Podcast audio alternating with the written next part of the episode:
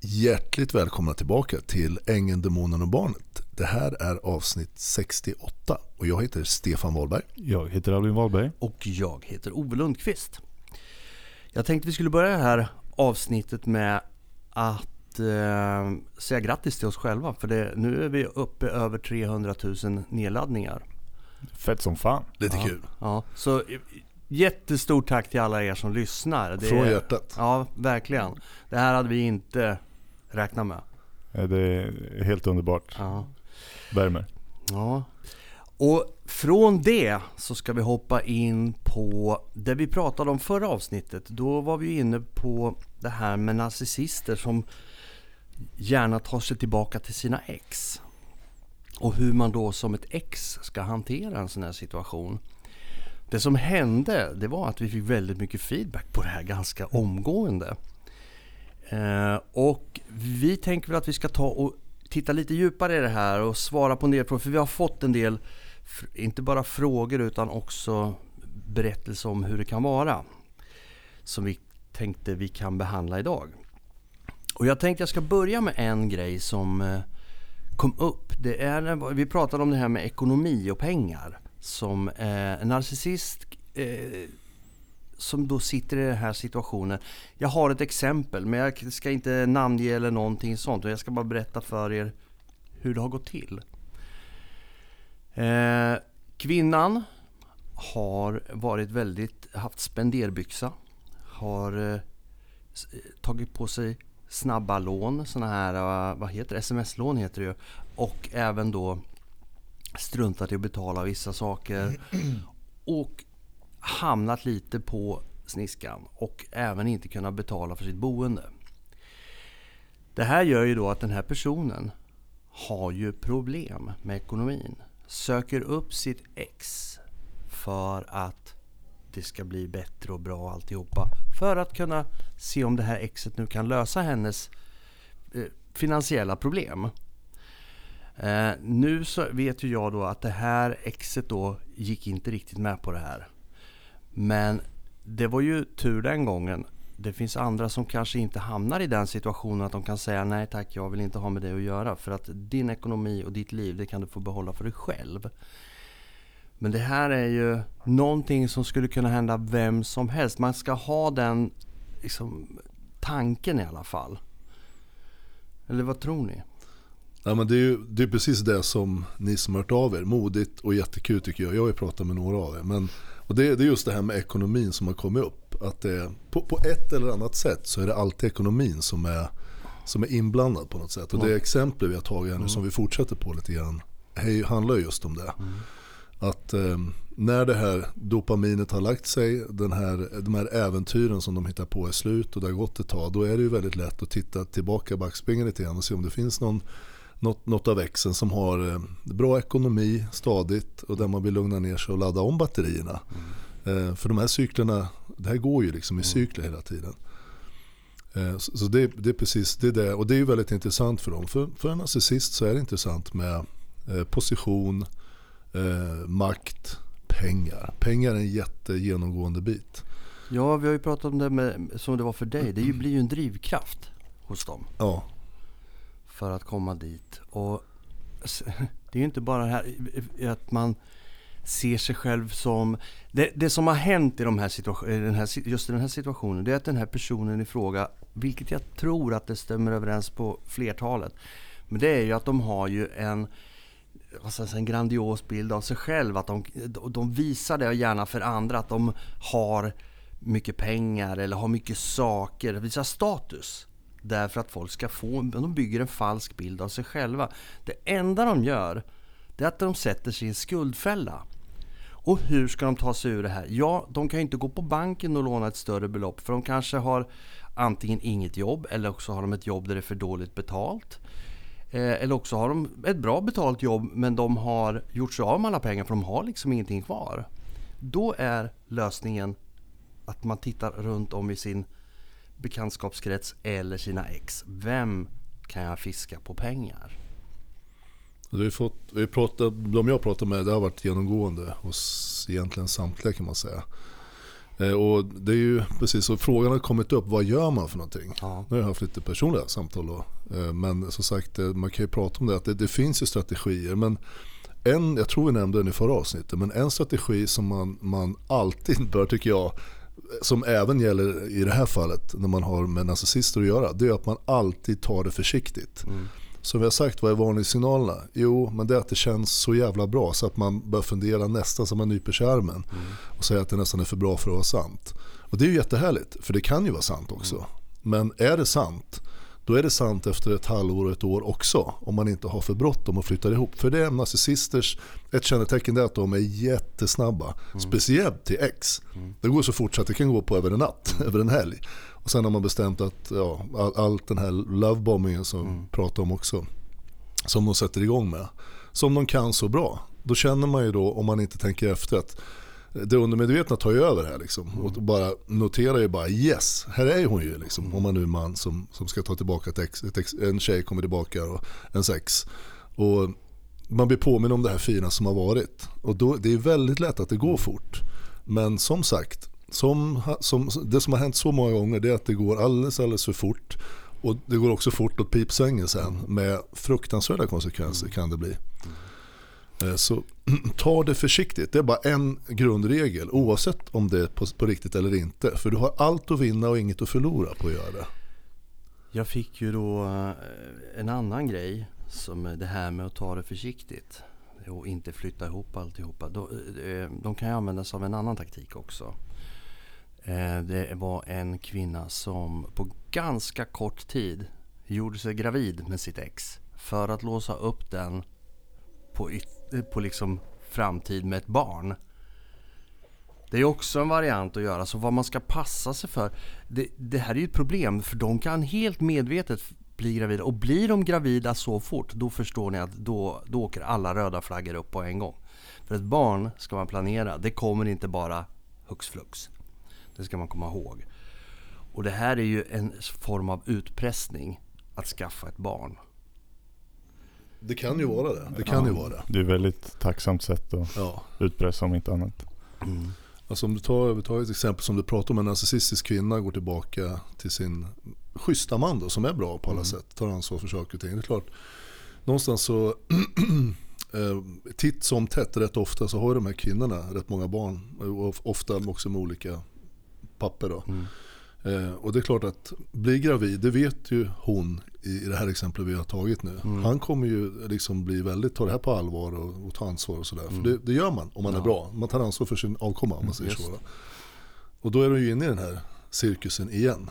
Ja, hon kommer aldrig erkänna att det var, om inte väl planerat så väldigt medvetet en risk hon tog för att hon såg att det här är bra.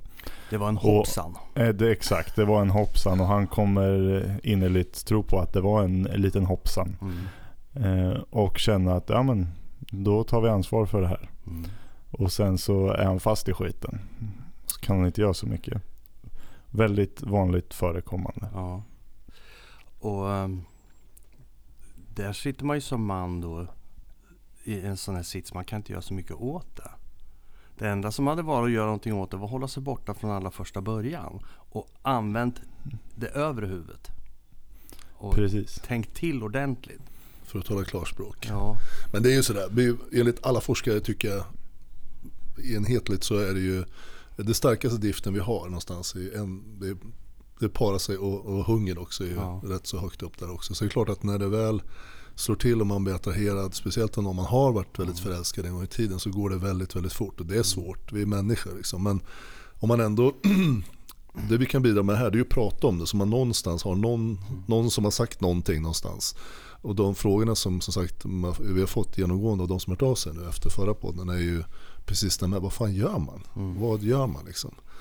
Jag ponera en tanke? Det här, det här är lite off topic egentligen men det är bara ett intressant koncept som jag hörde talas om. Jag skulle vilja veta vad ni tycker om ett sånt koncept. Just på det här med när en kvinna blir gravid mot, jag ska inte säga mot en mans vilja, han får väl skylla sig själv till viss del, till väldigt stor del. Men att som kvinna kan man, har man ju alternativet. Sen så är det ju, jag fattar att det inte bara bara och det, det kommer mycket, det är mycket känslor inblandat i en abort. Mm. Men kvinnor, speciellt i Sverige, har full möjlighet att göra det. Och det kostar i praktiken ingenting. Och det, man kan gå dit för det gjort och ingen kan säga någonting om det. Borde man som man ha motsvarande rätt att när det uppdagas att det är ett barn på gång ha alternativet att säga att nej, jag vill inte ha med det här barnet att göra. Jag vill frånsäga mig ansvaret. Och då frånsäga sig allt ansvar och alla rättigheter för barnet. Men på samma sätt som en kvinna kan frånsäga sig ett barn genom en abort.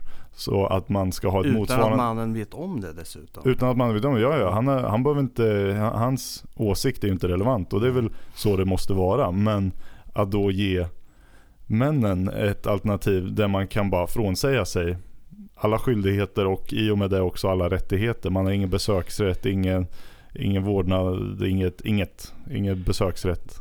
Det där är en jättesvår fråga. Ja, det är skitsvår Ja, fråga. som- Men jag hörde de någon som bara... Ja, det är där- jättemånga lager Ja. alltså. Jag menar tids nog kommer barnet vilja veta vem ens farsa är. Och så det, liksom, det blir ju eh, gratis lunch för eh, mannen i fråga kan man ju tycka på många sätt. Ja. Det är ju en jättekontroversiell grej. Det är ju fullt medveten om. Jag bara hörde någon ponera. Ja. Och det skulle ju framförallt göra kvinnor försiktigare med att bli gravida. Mm. För det där är ju alltså... eh, Det är ju väldigt allvarligt det där. Om man nu som... Eh, Jag vill- jag vill- just i det här Jag fallet vill förtydliga att jag vet inte vad jag tycker heller. Utan Nej. det var bara liksom Ja. ett koncept som jag har hört talas om. Och jag Ja. tyckte det lät intressant. Ja, jag, jag kan svara på en gång att det där det, det vet jag inte hur jag ska svara på. För jag vet inte Nej. ens vad jag tycker om det där. Jag tror, det där är ju så omständighetsberoende lite Ja, grann också. tror Det är klart det är det. Ja.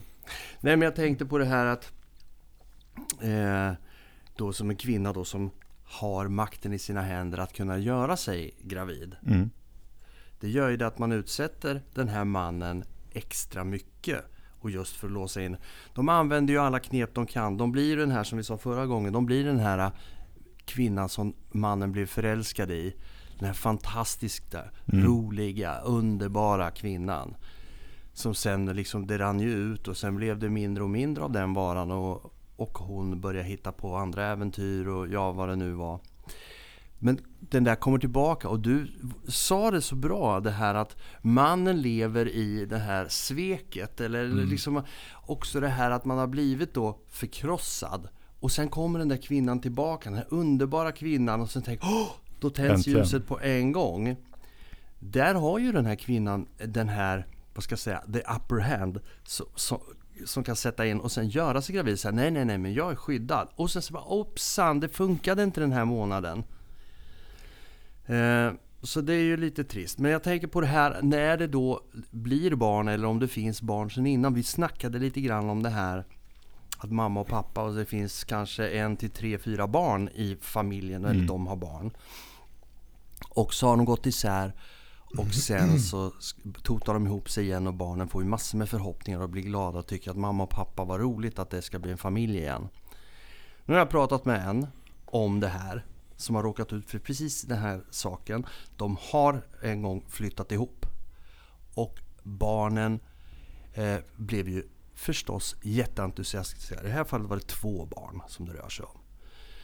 Helsyskon också, så det fanns liksom inga andra föräldrar involverade i det här. Men det spelar egentligen ingen roll. Det blir ett drömscenario för barnen. Ja, mamma och pappa flyttar ihop och det är kärnfamiljen och hej och hå vad bra.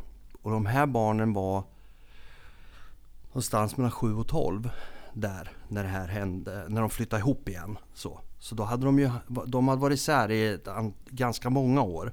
Och de hade haft förhållanden på sidan av också, men det hade tagit slut och så hittade de tillbaka. Och barnen tyckte först det var konstigt. Ja, Ja, att mm. vänta nu.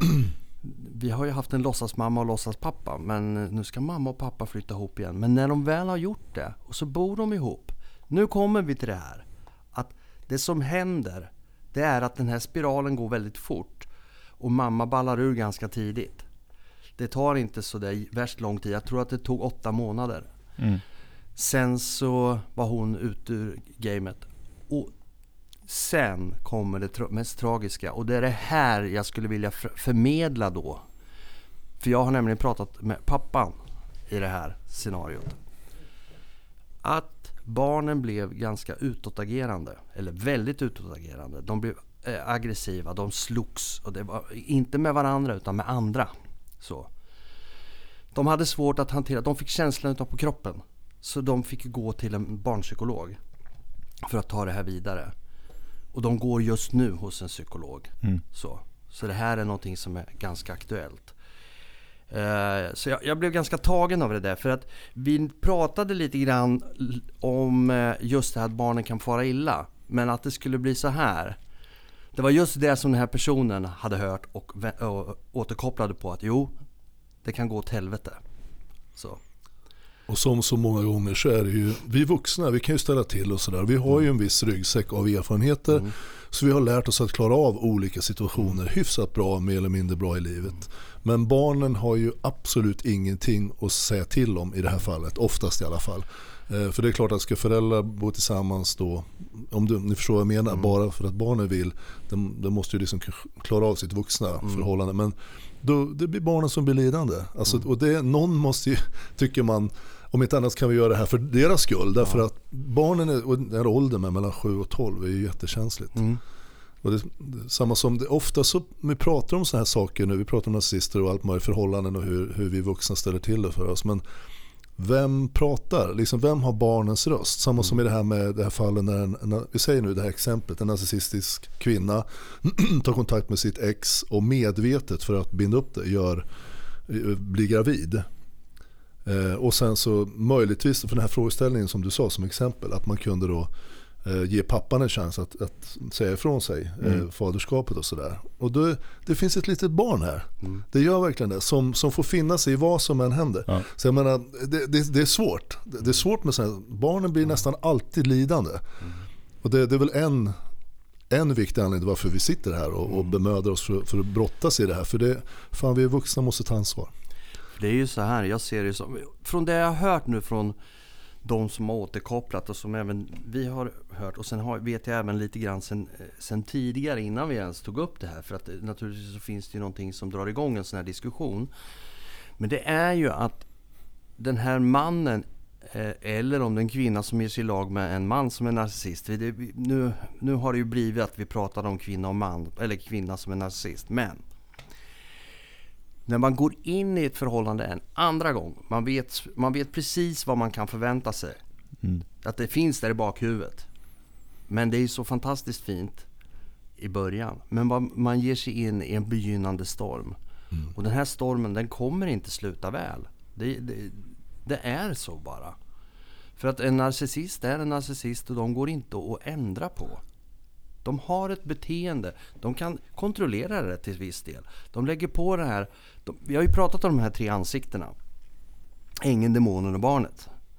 Och de blir ängeln. Men sen när du börjar konfrontera dem och alltihopa. När du säger att jag ställer inte upp på det här. Då, då, får, du, då får du den här demonen emot dig. Men det här barnet dyker ju också upp ibland för då är det så jävla synd om dem och det är inte deras fel och det är alla andras fel och de har inte gjort någonting och så vidare. Och då ska du balansera på alla de här tre personlighets... Eh, jag ska säga personligheterna. Eller ansiktena eller deras beteende. Och då är det frågan, vad vill du välja? Vill du leva med de här tre personerna eller vill du leva ett bra liv utan dem? För det, det är svårt att, jobba, eller att leva med en narcissist överhuvudtaget. Med tanke på hurdana de är. Men det går. Det, det har vi ju sett också exempel på att det går att leva med en narcissist. För alla har det inte så välutvecklat så att det blir störande på det sättet heller. Sen kan, det finns ju så att är du, är du väldigt duktig på det här med och vet vad en narcissist är så kan du ju väldigt, väldigt tidigt se varningssignalerna och du hela tiden har en öppen dialog. Men sen lever man med en narcissist och förstår man att man, man är tillsammans med en narcissist så tror jag det valet man får göra det är att säga att det kan hända eh, lite grejer i- form av otrohet och lite annat. Och du kommer att se olika skiftningar i den här personens beteende. Och det kan vara så att man har barn ihop, man har ett liv ihop, man har så mycket tillsammans. Det är familjer som är sammanvävda. Man har ett helt liv och allt vad det innebär. Eh, För hus och det är sommarstugor, man har massa vänner. Alltså man har ett helt liv tillsammans. Men ändå så har man förstått, kanske då lite sent, att det här är en person med lite problem. Men så jag säger inte att det det är inte bara kliva ifrån och säga du är narcissist, nu går jag. Nej, nej, och så funkar och så det funkar det ju inte såklart. Nej, men i så, så det det är klart att det går är att, det- le, att leva med en narcissist. Men, Ja. men man, man måste ta upp det på bordet och, och liksom jobba med det. Och det kan man göra om man nu bestämmer sig för att jag, jag kommer inte lämna den här personen, spelar ingen roll vad. Nej, men man ju, har man en gång lämnat och vi pratar om ett återbesök. Precis, då, då, är då- det, är det en annan sak. då Det är är det där en vi helt är får man ärlig med sig själv, man vet ja, ju vad man ger sig av med. Det tror jag, då, då, då verkligen måste du låta, för det som händer det är att vi har ju ett undermedvetet Ja. som strömmar till eh, dopamin och grejer, oxytocin och allt möjligt när vi träffar någon och speciellt ett ex som man har varit kär i och haft ett trauma med som vi har berättat. Och så kommer den här tillbaka, och är den här ängen, du, du får ju dopaminkick så du, du, du Ja. och det vet vi ju vad som händer när man får dopamin, man blir ju fullständigt dum i huvudet. Ja men alltså det blir man ju, alltså, man blir ju det när man får dopamin. Det, det hör ju ihop. Så det kan man ju tänka på, försök i alla fall att tänka på innan och bromsa det här lite grann. Vänta här nu, vänta här nu liksom. Även fast det är ju underbart att få dopaminkickar, så, det, så är det ju. Och vissa är ju mer, mer beroende av den andra. Vissa kan hantera det från början väldigt bra, det är ju individuellt också. Men, men går du igång och blir tokförälskad väldigt snabbt ibland, då kan man ju försöka att förstå vad det är som händer. När man blir tokförälskad, det är dopaminet framförallt. Och lite andra ämnen med som ställer till det för det. Jag tänker på de här, om man, om man ska backa tillbaka till det, vi, det du var lite inne på, att man lever tillsammans, men är sammanflätad med, med, med familjer och gemensamma vänner. Det är ganska mycket som finns. Men man, eh, man vet att ens partner kan bitvis vara lite knepig. Och det är någonting som inte stämmer. Man har, man har ingen aning om att det är en narcissist man bor med. För det, man vet inte vad det är, man har inte hört talas om det. Man, vad ska jag säga? Man bara accepterar att så här är den här personen och så lever man vidare med det och man ser över den på något sätt. Men sen om det kommer då den här dagen när det börjar gå upp för en om andra, för om andra talar om för dig, ja men du, din fru eller din man, är inte han lite speciell eller hon lite speciell? Då kommer folk säga, "Va- vadå? Nej, det tror jag inte. För det blir ju det här lite som medberoende med alkoholist. För talar om för din, eller att din partner har alkoholproblem. kommer säga nej, det finns inte. Det, det stannar ju inom lyckta dörrar, så här, det vill man inte prata om. Och det här har jag sett, just med alkoholism, har jag sett flera gånger. Och det här med medberoende. Och jag blir lika rädd varenda gång jag ser det. För jag tycker det är... Alltså det är så tråkigt för den personen som, eller för båda personerna. För alkoholism är ju en sjukdom. Ja. Den går, man kan leva med att vara alkoholist, en nykter alkoholist. Det är så många som har lyckats med det. Men då måste man ju få den här personen att förstå det själv. Att ja, jag har problem. Jag måste göra någonting åt det. Fram tills dess, då pratar du över huvudet på dem.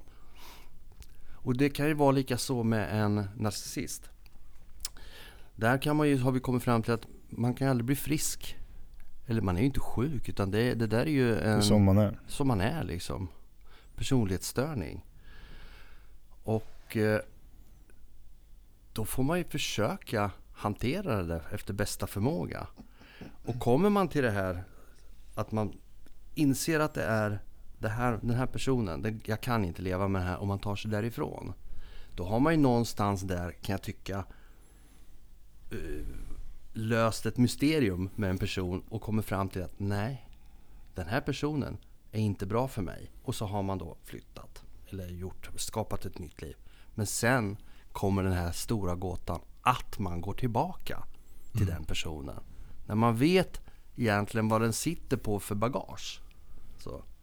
Men det kroppen kommer ihåg, det är ju den Ja, dopaminkick vet. du fick när du var kär. Ja men alltså det är så starkt. Och ni som, vi pratar med några här och ni andra med som lyssnar, det är så starkt. Och man blir riktigt, eh, vad man säger, förälskad. Man kanske bara blir det, förhoppningsvis någon eller några få gånger i livet. Eh, och, och vad som händer då, och om man nu har barn tillsammans som exemplet här och sådär. Det är så starkt, det är så starkt, det är otroligt svårt. Och om man inte passar sig bara en liten, liten stund så slår kroppen till, buff, det undermedvetna får chans att skjuta till de här dopaminboosten. Sen står du där med joddlande ögon liksom. Ja. Det är så jävla svårt och att det blir barn snabbt och allt möjligt, det är ju inget konstigt liksom. Nej. Men som sagt, man kan ju tänka både på sig själv, det måste man göra, och barnen. Har en vuxen människa betett sig så, som i exemplet den här kvinnan. De har levt tillsammans som vuxna, hon har varit otrogen, Eh, de har gått isär på ett mycket vidriga sätt. Mm. Och det har varit en massa andra män och sådär. Och det är kanske barn inblandat och allt möjligt. Och sen försöka igen. Alltså mm. oddsen är så dåliga. Och fundera själv på vilket liv du vill leva. Mm. Om du vill hålla på och trassla så här. Man kanske väljer att nej, men jag vill ha de här korta dopaminkickarna när de kommer någon gång ibland när hon är på humör. Ja visst, det är respekt för dig i så fall men du kommer ha ett jävla elände emellan och det blir ett väldigt otryggt liv. Eh, och inte liv som jag i alla fall tänker när man ska leva tillsammans med någon. En, en grundläggande grej är ju trohet trots allt. Ja, alltså jag har ju inte riktigt, eh, om jag ska titta på mig personligen, så har jag levt ett ganska harmoniskt förhållande med min fru. Eh, stundtals är det ju mindre bra, men det är ju så i alla förhållanden. Det är upp och, upp och ner. Men alltså på det helt stora hela så har det varit väldigt bra. Det gör ju det att jag unnar ju alla att få ha det så. Att man kommer överens. Att, eh, som oftast kommer man överens. Eh, och att man har vad ska jag säga, saker gemensamt men att man också har var sina liv på sidan av. Därför att man kan inte bara ha eh, ett gemensamt liv. Det är jättesvårt. För mm. då, då, då tappar man sin egen identitet. Utan man måste kunna lita på varandra och att man ska vara så pass fri att man kan tillåta saker som, nu pratar vi eh, det här att man kan ha hobbysar och man kan vara med i föreningar och man kan göra olika saker. Men ändå så gör man saker tillsammans. Det är en, mm. bra, det är en balansgång där, man måste kunna ha det. Absolut.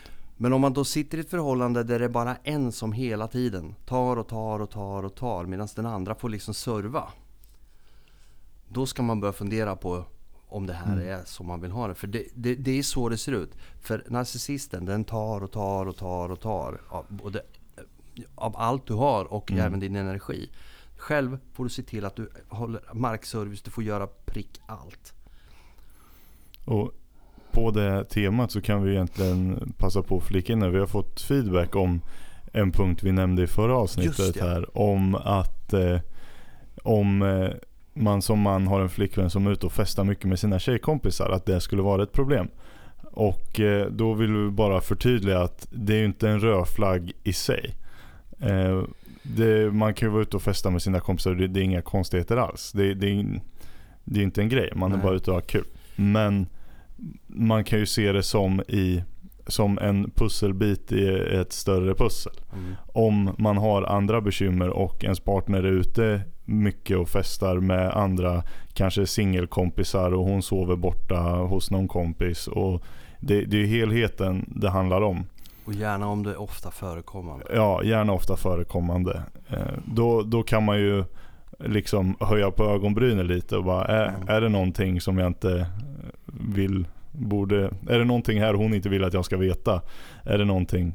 Mm. Men eh, som sagt, vi menar inte på något sätt svartmåla alla kvinnor som tycker om att ha kul med sina kompisar. För det är inte där det handlar om. Jag tror nog att flertalet förstod nog själva eh, liksom, sammanhanget. Men för att vara tydliga. Ja, för, för vi fick precis. höra att det var, det vi var faktiskt en i alla fall som som tyckte att det var värt att förtydliga och frågade faktiskt eh, Är det så ni menar eller menar ni så här?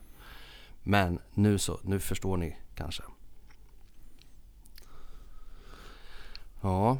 Det var, det var en bra jämförelse det här med, vi pratade lite om, om eh, någon, och säg kvinnan, återigen det här exempel som lever med en alkoholist. Det finns många likheter mm. att leva med en narcissist. Ja. Det här problemet som man, alltså, jag tänkte på det när du pratade om det. Um, det här med hur man, skillnaden kanske är att alkoholister blir ju faktiskt en del, kan ju faktiskt eh, bli bra ja. och nyktra. Men de har ju fortfarande sjukdomen. Ja. Men, men eh, narcissister har ju en sämre statistik. Det, det, är svårare att ta på ett narcissistiskt beteende ja, än ett alkoholistiskt. Man, man, man kan ganska tydligt märka på någon om den har druckit eller inte. Och det är ganska lätt. Det krävs en, en fysisk substans för att problemet ska skapas. Mm. Hos en narcissist så är det ju det, det kan ju vara, ja, det går inte att ta på. Man vet ju inte vad som för sig går i, i huvudet på någon. Det finns ändå liksom gemensamma grejer när man ska åtgärda det. Enda chansen, eh, som sagt jag har ju, min mamma var alkoholist, jag var på ett hem en gång, hon var på en sån besöksvecka och sådär. det enda, det enda att göra för en alkoholist är att lägga fram allting på bordet. Mm. Det är först då en alkoholist kan på ett realistiskt, liksom verkligt sätt komma till bukt med det, eventuellt. Mm. Det är jättesvårt. Har man druckit många, många år så är det otroligt svårt. Men, men som sagt, det går ju. Det enda det är ju bara upp med det på bordet och, och säg allt du har tokat till. Berätta dina vanor om du dricker, hur du köper, hur mycket du egentligen dricker du säger att du har tagit in några öl. Det är ju en sån här liten grej. Jag tar in några öl bara. De kan knappt sitta på en stol. Liksom. Men det, precis samma med narcissist. Ska du överhuvudtaget kunna få bukt och kanske då leva som vi pratar om, om man nu ska det. Vilket jag i den här andra svängen avråder jag ifrån. Men visst, var och en måste göra sitt val. Det enda det är ju liksom att ta upp de här problemen och prata om dem. Alltså lite löpande, som en alkoholist. Du pratar, då måste båda kunna få ha den chansen. Både den som lever med Både alkoholisten och narcissisten måste få ibland när de känner sig oroliga. Det här du gjorde, vad betyder det? Och då måste den personen i respekt kunna svara för att förstå att man är orolig. För kommer du inte dit, då kommer det här bara fortsätta. Men Jag, jag brukar inte vara ett fan av att vara svart eller vit, men bara för sakens skull, jag kan inte låta bli att tänka tanken här. Eh, har en, vad ska vi kalla det, väldigt eh, väl utblommad narcissist den möjligheten, den förmågan att kunna vara ärlig? Kan du lita på, om du, du har Jag kommit har- till insikten att min flickvän, eller pojkvän för den delen, är narcissist. Han ljuger, hon gör saker som hon inte berättar och jag får reda på det senare och jag blir lika besviken varje gång. Hon har det ena och det andra, hon har lurat mig. Hon har, att, kan man då sätta sig ner och lita på att det personen säger stämmer?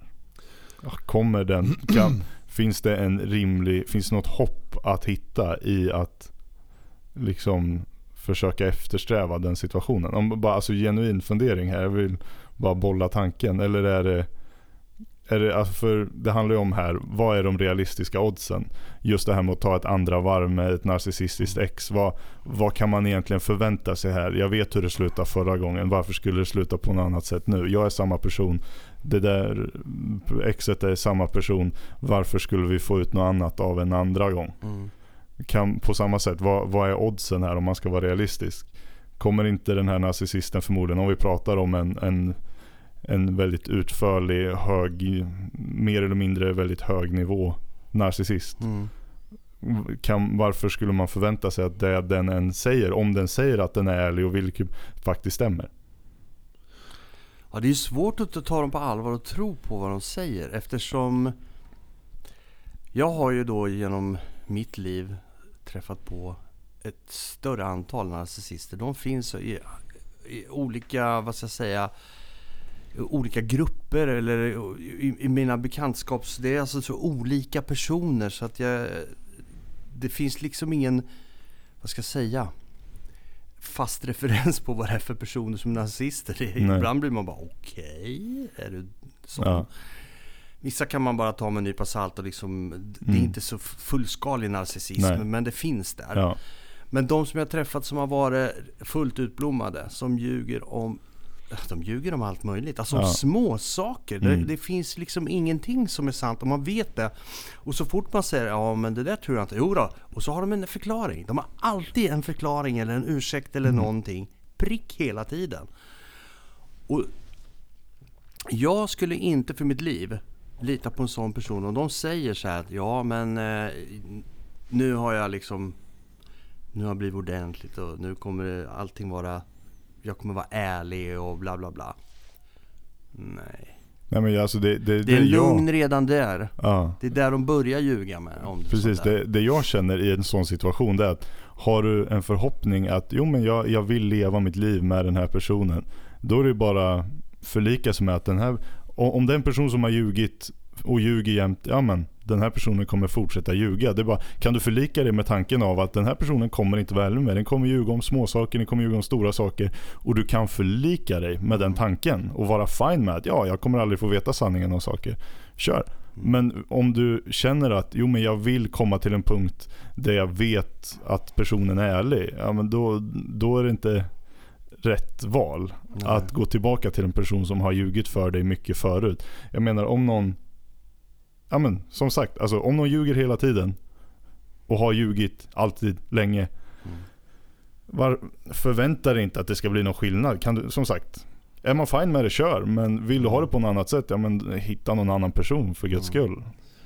Alltså jag har ju lite erfarenhet av det. Jag sitter och tänker på när ni pratar om det här. Och, ja, alltså det finns verkligen inget svart eller vitt. Det Nej. måste man säga. Och ni som lyssnar med, jag tror att ni känner med. Alltså vad, ni har olika. Och vi jämför det här med något som är väldigt vanligt också. Det är att någon av i paret, eller båda kanske, men det vill säga att nu en har alkoholist på något sätt. Det är också oerhört svårt och man har ingen, inte oddsen med sig. Och ännu sämre odds har man ju om det är en narcissist, en, en, liksom en stark narcissistisk person. Det är klart att man har det, men samtidigt så, vad ska jag säga, facit det har man ju inte förrän man har levt färdigt och kan titta tillbaka Nej. och summera ihop det. Utan man måste ju hela tiden bedöma och göra liksom bedömningar själv vad som är rimligt eller inte. Och vad som är viktigt för en själv. Det kanske är så att mitt barn eller våra barn vi har tillsammans, den här personen, det är allt jag har. Alltså det är verkligen mitt liv. Om man tänker sig att man ska säga ifrån det, det ska mycket till. Och då kan man, jag tror att alla som har ingått partnerskap eller gift sig eller par, har levt i par med någon som, om vi säger nu narcissist, men det kan gälla alkoholister med. Alltså det, det, man hoppar inte bara av hur som helst, det gör man inte. Frågan är bara hur långt man ska ta det. Och ska man nu ta den andra svängen, har man nu flyttat isär och ska vara ihop som vi pratar om. Framförallt det exemplet jag, Ja. jag syftar på där. Då ska man ju, alltså, men jag, jag, jag är inte person att säga att det är alltid fel.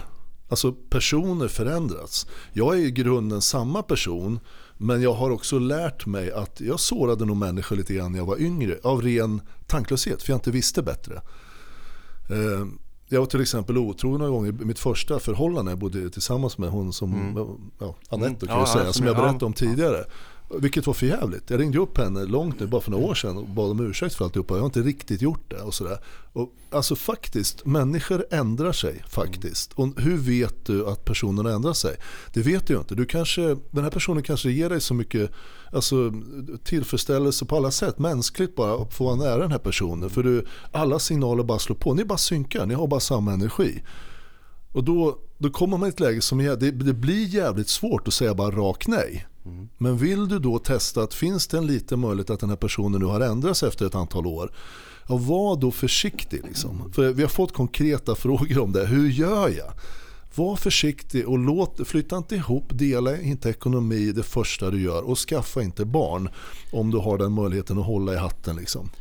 För att då, när du går för fort, då förstör du också något eventuellt. Om vi säger att den här personen har ändrat sig och är på väg att bli bra. Men går du med på allting utan att liksom ställa några mot, eller så här motkrav eller säga nej men vi- vi gör så här, vi bor isär ett tag men jag, jag tycker det här är jättekul och sådär. Alltså en, en narcissist om den, om den nu mot förmodan i några enstaka fall har ändrat sig så pass mycket.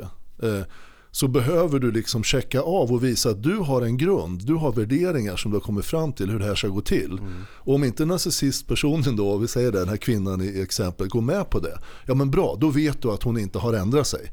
För att det vore ju normalt, att hon ändrar sig och har liksom tänkt till och tänkt att det här är min livskärlek och jag gör vad som helst, jag kommer inte vara med någon med. Då, då går ju hon med på, då förstår ju hon att du har tänkt till. Så det blir en automatisk, en, en automatiskt rensande process.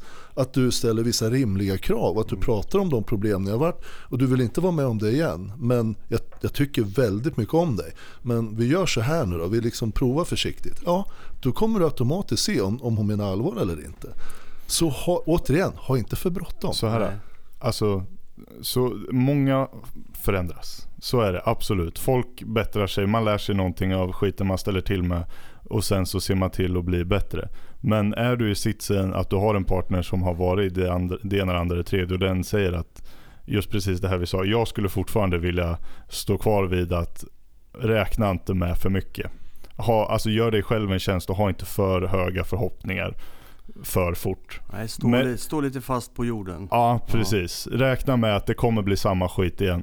Men om det hinner gå ett halvår, ett år, två år, tre år. Ja men då, då, då kanske man kan börja känna att jo men det, det kanske är något annat här. Men, men när man står inför, alltså det, det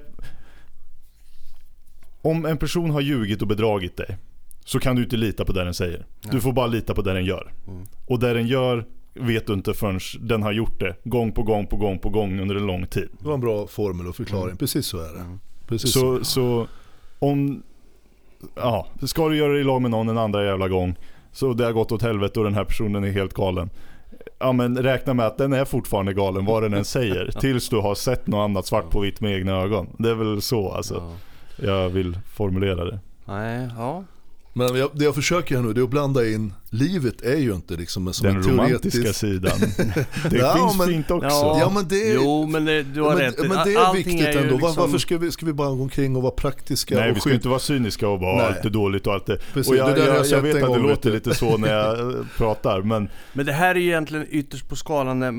det är så här det blir i värsta scenariot. Sen finns det ju saker som är mycket mindre. Det finns ju de som är, vad ska jag säga, lätt narcissistiskt lagda. Som har kanske inte alls de här stora problemen. Och då sitter du i en situation där, där vi var inne på att, ja, hon kanske har ändrat sig. Men då återstår att se. Då är det lite det ni sa, eller du Stefan. Se till att inte flytta ihop för tidigt. Var särbo, ha ett förhållande på liksom särboförhållande, träffas när det passar och alltihopa och se. Vart tar det här vägen?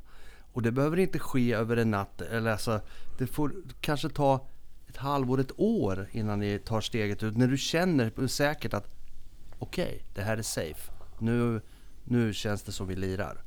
Ja, det- Jag förtydligar mig verkligen, för nu pratar vi om exemplet där man har barn tillsammans. Ja. Det, alltså har du inte barn och du har blivit bedragen gång på gång på gång och det har liksom havererat, hon har ljugit så det, det finns ingen hej på det. Gå absolut inte det tillbaka. finns ingen anledning alls. Då har jag ett råd att ge, för att jag har fått den här frågan av två stycken. Liksom, vad- gör jag då för att liksom klara det här själv? För att det är så lätt att ramla tillbaka i tanken. Man, man vill ju må bra, man vill ju ha lite dopamin, man vill ju vara förälskad och så. här. Det är liksom, man vet vad man har haft och så börjar de på det här lovebombing igen. Det är att symboliskt gör någonting, säg någonting, gör någonting aktivt för att visa dig själv och den här personen, inte, inte elakt eller så, utan bara gör någonting. Du behöver inte göra en podd som jag har gjort, men det är en variant om du nu känner för det. Men du kan göra någonting där du, där du förklarar så fort det kommer upp, så att jag kommer aldrig någonsin komma hit igen. Och du, bara det att du säger det så påverkar det dina tankar. Alltså i, allting. Och påminn dig om, tänk tillbaka på de dåliga sidorna. För vi har ju en tendens att bara komma ihåg det som är bra. Och när det är bra, då är det ju jättebra. Då är det ju superbra. Men bara problemet med narcissister, det är att det är bra när det är bra, som fan. Men det är dåligt som fan när det är dåligt. Och de svänger med otroligt stora svängningar. Mm.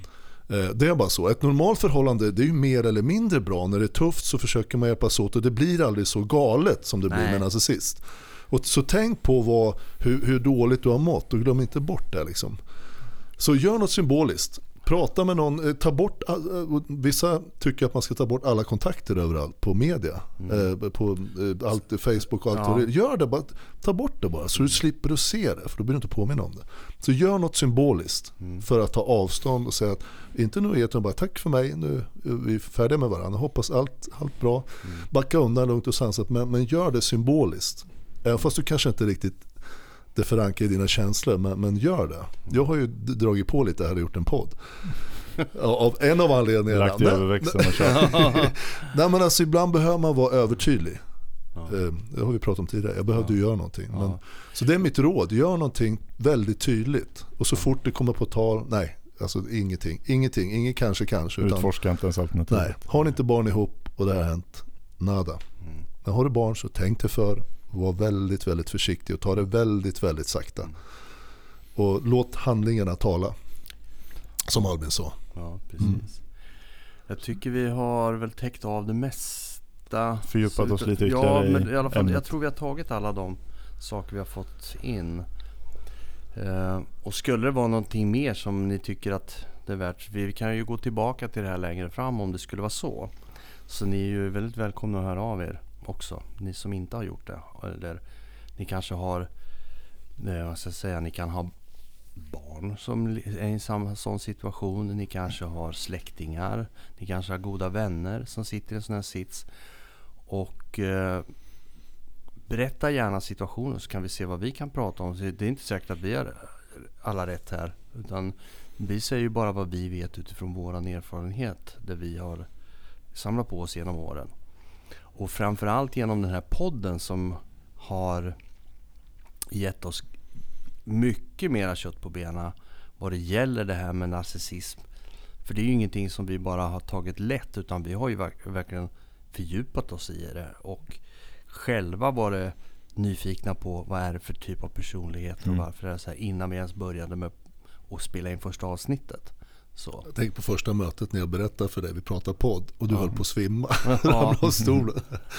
Ja, det var en, det var en upplevelse. Jag dit en bit. Ja, det har vi gjort. Och det, Nu har väl jag smält det mesta så jag känner jag liksom okej. Men det har varit en resa hit i alla fall för oss också. Som sagt, 300 000 nedladdningar. Det är helt Ja, strålande. det är jättekul. Ja, Det är så jävla roligt. ja, Ja, riktigt, riktigt kul att ni är med oss faktiskt. Riktigt, riktigt kul. Ja. Vi, vi kör nästa festlighet när det är en halv miljon. Så det är gör det. vi. Ja, det gör vi. Vi hoppar över 400. blir skitbra. Ja, Men ska vi wrappa ihop då? Så det tycker jag. Det gör hörs vi. om en vecka Ja. igen. Och så är ni riktigt rädda om varandra. Hör jättegärna av er som ni har gjort nu några stycken efter förra avsnittet. Ja. Det är jättekul och vi bidrar det gärna med det fan. vi, vi kan bidra med. Mm. Ja. Sköt om er det då. Hej då.